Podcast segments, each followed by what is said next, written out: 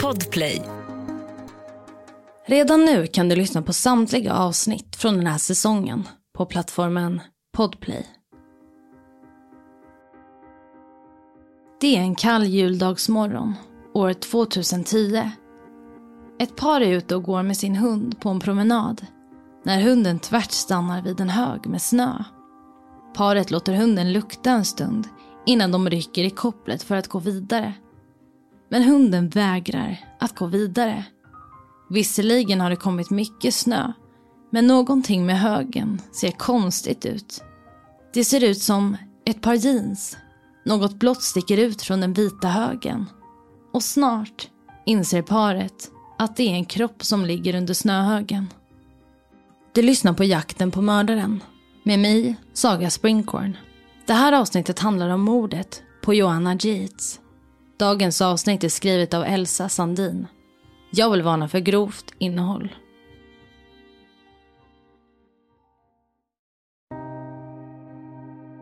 Klockan är åtta på kvällen, söndag, den 19 december 2010. Greg stiger in genom dörren till sin lägenhet på 44 Canyon Road i Bristol, England. Han har varit bortrest i några dagar och förväntar sig en stor kram av sin flickvän Joanna när han kommer hem. Men i lägenheten är det mörkt och tyst. Greg ringer till sin flickvän och ringsignalerna hörs från hennes jackficka som hänger på en krok i hallen. Joannas väska och nycklar är också kvar hemma. Men var är då Joanna? Har hon gått ut i decemberkylan utan jacka, nycklar och väskor bara några dagar innan julafton? Joanna föds 19 april 1985 i England. Hon studerar på universitetet och tar där en examen som landskapsarkitekt. Hon börjar sen jobba som arkitekt och det är på arkitektfirman som hon arbetar på som hon år 2008 träffar en två år äldre Greg. Joanna beskrivs som en glad, omtänksam och positiv person. Som en frisk fläkt bland nära och kära. Joanna och pojkvännen Greg väljer i oktober 2010 att ta nästa steg i förhållandet och flytta ihop. Eftersom att arkitektfirman de båda jobbar på har valt att omlokalisera sig till Bristol är det ett perfekt tillfälle för Joanna och Greg att leta efter en lägenhet just där. I oktober 2010 går flyttlasset. De flyttar in och två månader senare försvinner Joanna. Paret beskrivs av Joannas föräldrar, David och Teresa, som väldigt lyckliga tillsammans och exalterade inför framtiden. Och när Joanna försvinner tycker de alla att det är väldigt märkligt. Det är uppenbart för dem att hon inte försvunnit på eget bevåg. Hon har ju varken tagit med sig jacka, väska eller mobil. Kvällen den 19 december går pojkvännen Greg runt i lägenheten och försöker begripa var Joanna tagit vägen. Om han missat något i deras kommunikation. Han går runt i lägenheten och städar lite.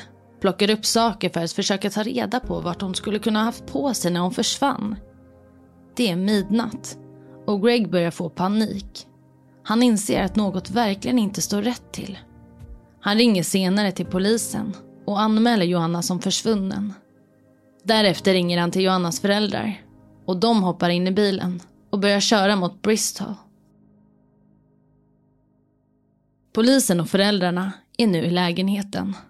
Polisen pratar med Greg samtidigt som föräldrarna går runt och letar efter ledtrådar till vart Johanna kan ha tagit vägen.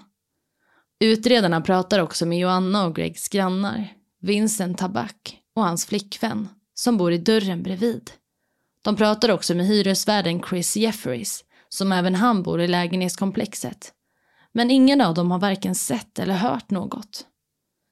Efter en stund hittar Joannas mamma, Teresa, ett kvitto från matbutiken Tescos, där en pizza ska ha inhandlats klockan 20.40 den 17 december.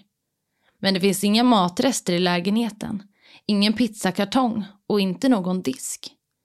Tillsammans med faktumet om att Joannas vinterkläder, jacka, nycklar och väska är kvar i lägenheten så väcker det här misstankar. Det är under tiden nollgradigt och det finns inte en chans att Joanna skulle lämnat sitt hem en längre stund utan jacka och skor. Utredaren om föräldrarnas första teori blir att Joanna måste ha kommit hem på fredagskvällen den 17 december efter att hon inhandlat pizzan. Och därefter måste hon ha försvunnit. Men frågan återstår. Vad har hon tagit vägen? Och där stannar vi upp lite. Jo, polisen försöker nu pussla ihop kvällen som Joanna senast sågs för livet. Och tack vare övervakningskameror och vittnesmål så kan kvällen den 17 december nästan kartläggas i detalj. Den 17 december går Joanna ut för en after work med sina kollegor på The Ram Pub på Park Street i Bristol. Hon har uttryckt att hon känt sig lite orolig för att spendera helgen ensam utan sin pojkvän Greg. Eftersom det skulle vara hennes första helg ensam i den nya lägenheten. Greg skulle spendera helgen med sina föräldrar. Han ville passa på att träffa sin familj då han för första gången inte skulle fira jul med dem. Han och Joanna hade nämligen bestämt sig för att fira tillsammans med Joannas familj. Johannas kollegor tycker att det är en bra idé att ta med Joanna ut då hon är så orolig inför att vara ensam i lägenheten. Kollegorna och Joanna pratar bland annat om julen, om julshopping och julbak som planeras inför den kommande julen. Joanna lämnar baren ungefär vid åtta på kvällen och syns på övervakningskameror gå in i en mataffär strax efter.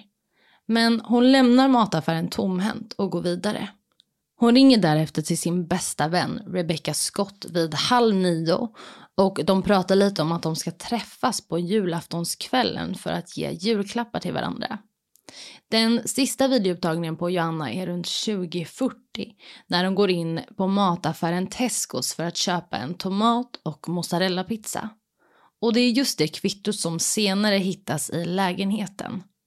Joanna har också inhandlat två cider i en närliggande livsmedelsaffär. Affären ligger cirka 10 minuter från lägenheten, Joannas och Gregs lägenhet, vilket betyder att hon borde kommit hem senast 2050. Människor som passerat lägenheten på väg till en fest i närheten vittnar sedan om att man har hört skrik från lägenhetskomplexet där Joanna och Greg bor. Och efter det här skriket så blev det helt tyst. Några dagar senare, den 21 december, ställer Joannas föräldrar David och Teresa upp i en presskonferens. De ber allmänheten om tips och information kring vad som kan ha hänt Joanna. Och mamma Teresa säger, jo, oavsett anledning till att du inte hört av dig så vill vi att du ska veta att vi älskar dig och är desperata efter att veta att du är säker och mår bra. Den hjärtekrossade pojkvännen Greg ber också om information och han säger hon var min framtid. Den här julen skulle bli vår första jul tillsammans och jag skulle få spendera den med hennes familj, vilket alltid är stort för en pojkvän. Mm. Det finns i nuläget inga misstankar gentemot Greg. Han har ju spenderat helgen hos sin familj. Och vill du se bilder från dagens avsnitt så kan du gå in på min Instagram, det heter Saga Sprinkorn och trycka på storybubblan Jakten på mördaren. Vi går vidare. Den 23 december gör polisen en rutinkoll i lägenhetskomplexet och intervjuar grannarna igen eftersom de misstänker att det måste vara någon i hennes närhet, någon som hon känner, som hon släppt in i lägenheten. Det fanns inga tecken på inbrott och dessutom hade människor som varit på väg till en fest samma kväll hört skrik från lägenhetskomplexet. Hyresvärden Christopher Jeffries är en förtidspensionerad engelsklärare som föredrar att spendera tid med att läsa sina böcker i ensamhet. Som hyresvärd är han väl informerad om vardagen i lägenhetskomplexet och han menar att han har hyfsat bra koll på alla som bor där. När polisen frågar vad han gjorde kvällen den 17 december säger han att han var hemma och läste, precis som han brukade vara. Vincent tar back och flickvännen Tanja är Joannas och Gregs närmsta grannar. Vincent är en 32-årig man från Nederländerna och han jobbar som ingenjör i England sedan år 2007. Året innan hade han och flickvännen flyttat in i lägenheten intill Joannas och Gregs. Vincent berättar för polisen att han hade varit hemma hela kvällen fram tills den tidiga morgonen, lördagen den 18 december. Då ska han ha plockat upp sin flickvän Tanja från en julfest på arbetet. Polisen får inte ut något av intervjuerna med Vincent och hyresvärden Christopher. Ingen av dem har ett alibi för kvällen Joanna försvann. Men det finns inget som säger att de är skyldiga till hennes försvinnande. Det är en segdragen utredning och det finns fortfarande inga spår efter Joanna. Det blir juldagsmorgon den 25 december. Dagen då de flesta engelsmän firar jul. Ett par är ute på en morgonpromenad med sin hund. De går längs med Longwood Lane vid en golfbana. Paret passerar ett stenbrott där det ligger en hög med löv och snö. Hunden luktar och kopplet börjar spänna. Paret rycker tillbaka och säger att det är dags att gå hem. Men det är något som inte riktigt stämmer. Högen står ut från allting annat. Och vänta, är det kläder som ligger i högen?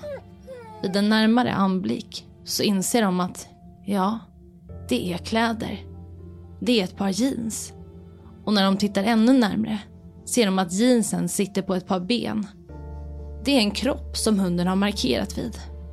Polisen kallas till platsen och tekniker kan snabbt identifiera den fullt påklädda kroppen som Joanna Gates. Kroppen är fryst och stenbrottet ligger nästan en halv mil från hennes lägenhet. Hur hade hon hamnat här? Det är inte förrän tre dagar senare, den 28 december, som teknikerna under obduktion av Joannas kropp kan konstatera dödsorsaken. Först var teorin att hon hade fryst ihjäl eftersom inga andra skador syntes på hennes kropp. Men det skulle visa sig vara fel. Obduktionen visar att Joanna hade dött flera dagar innan hon hittades och att hon inte hade ätit den där pizzan som hon köpt under kvällen. Hon har avlidit till följd av strypning. Hon hade kvävts till döds. Och nu drar en mordutredning igång.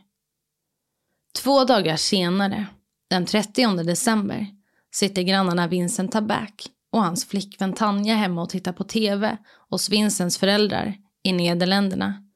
Där har de planerat att fira nyår. Mordet på Joanna har inte undgått Nederländerna och det rapporteras nu om den senaste utvecklingen i fallet. Vincent tänker efter. Är inte hyresvärden Kristoffer lite skum ändå? Kan han ha något med mordet på Joanna att göra?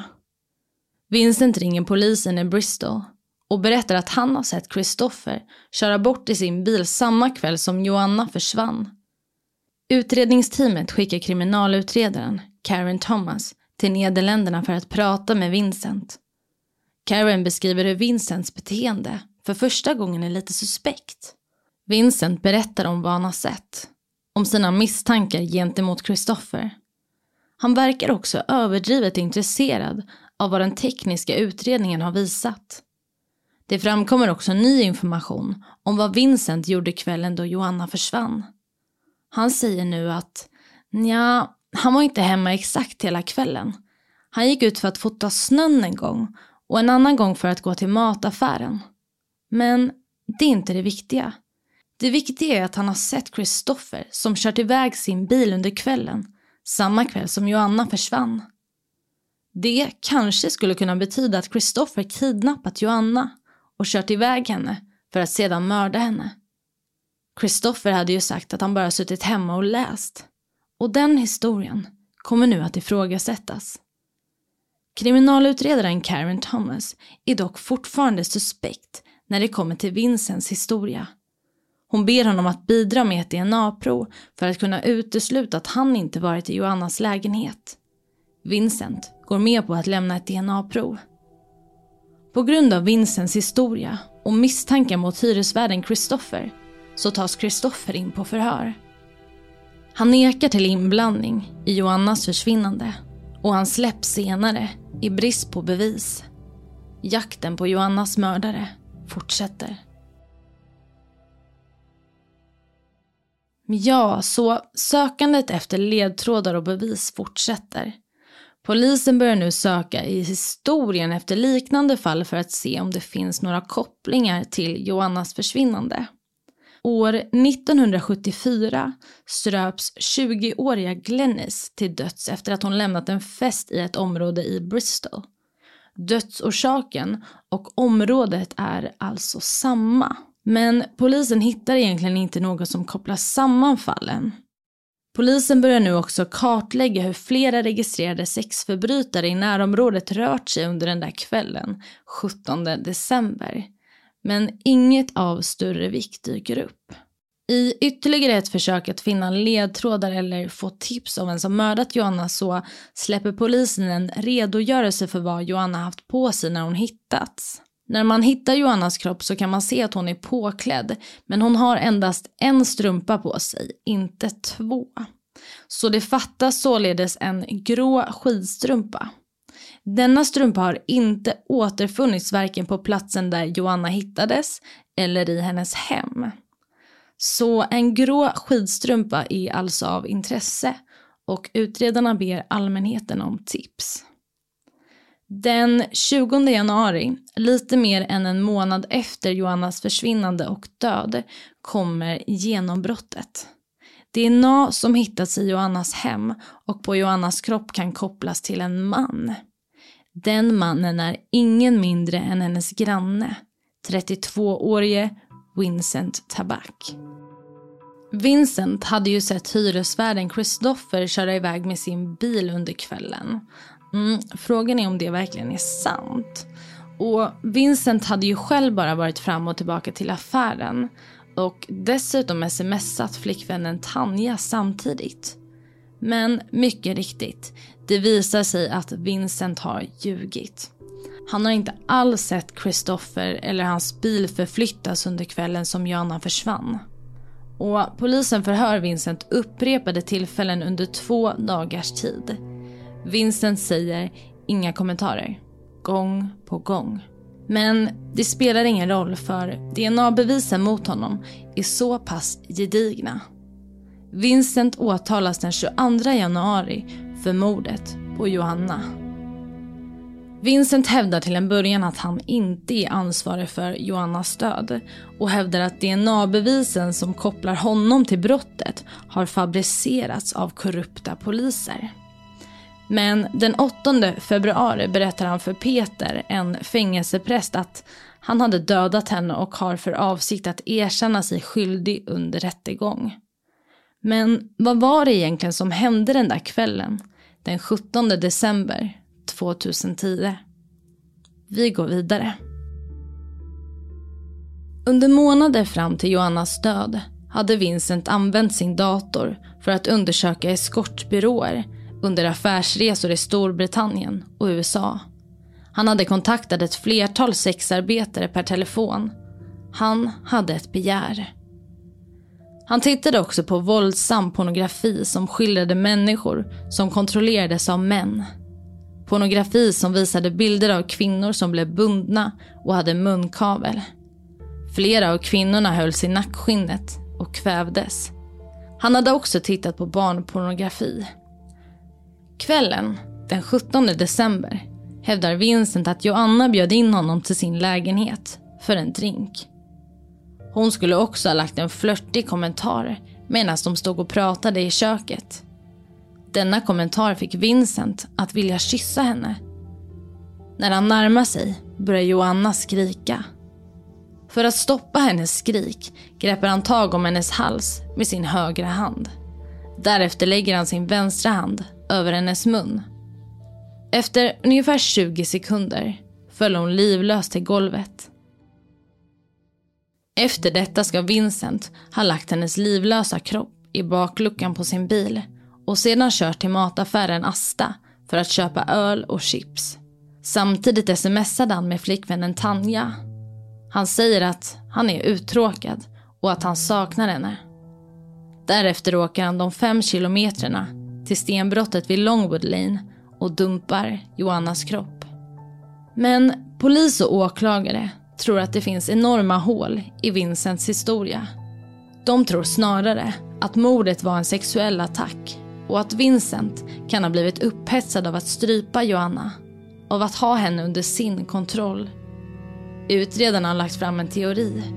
En teori om att Vincent spionerat på Joanna och sedan hittat på en ursäkt för att knacka på hennes dörr den där kvällen.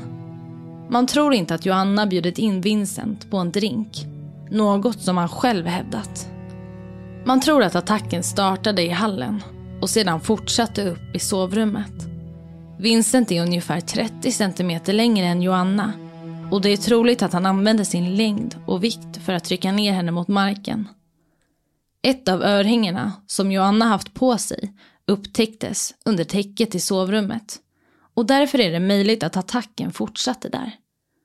Åklagare tror också att Vincent bar Joanna till sin egen lägenhet eftersom att hennes skor var kvar i lägenheten och att han fortsatte attacken där. Och under obduktionen av Joannas kropp kunde man konstatera att hon stryps till döds. Men utöver det finner man också 43 olika skador på hennes kropp. Sår i hennes ansikte, på halsen och på armarna.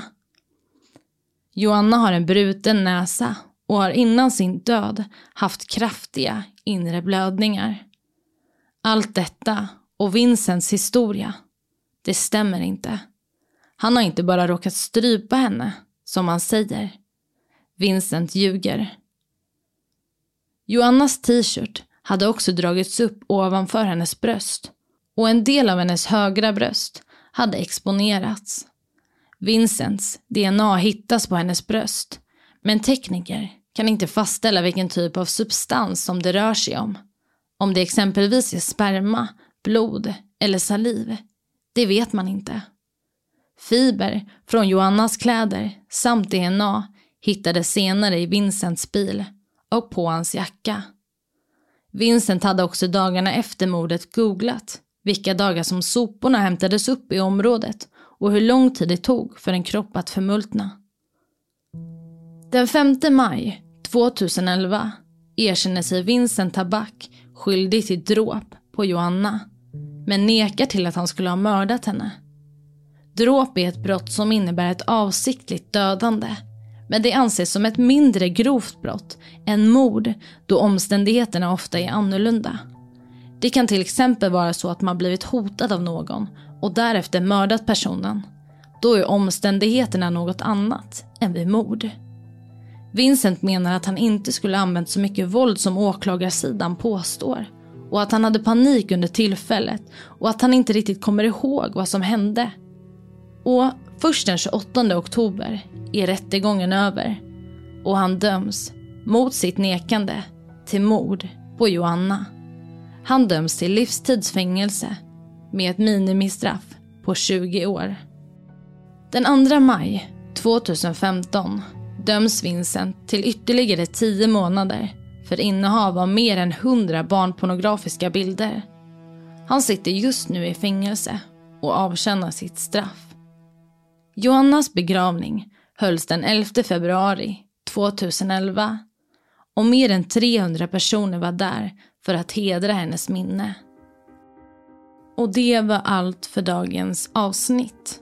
Vill du komma i kontakt med mig eller tipsa om ett fall som du vill att jag tar upp så kan du skriva till mig på min Instagram där jag heter Saga Springkorn eller mejla till jaktenpamordaren at springkorn.se. Tack för att du har lyssnat på dagens avsnitt.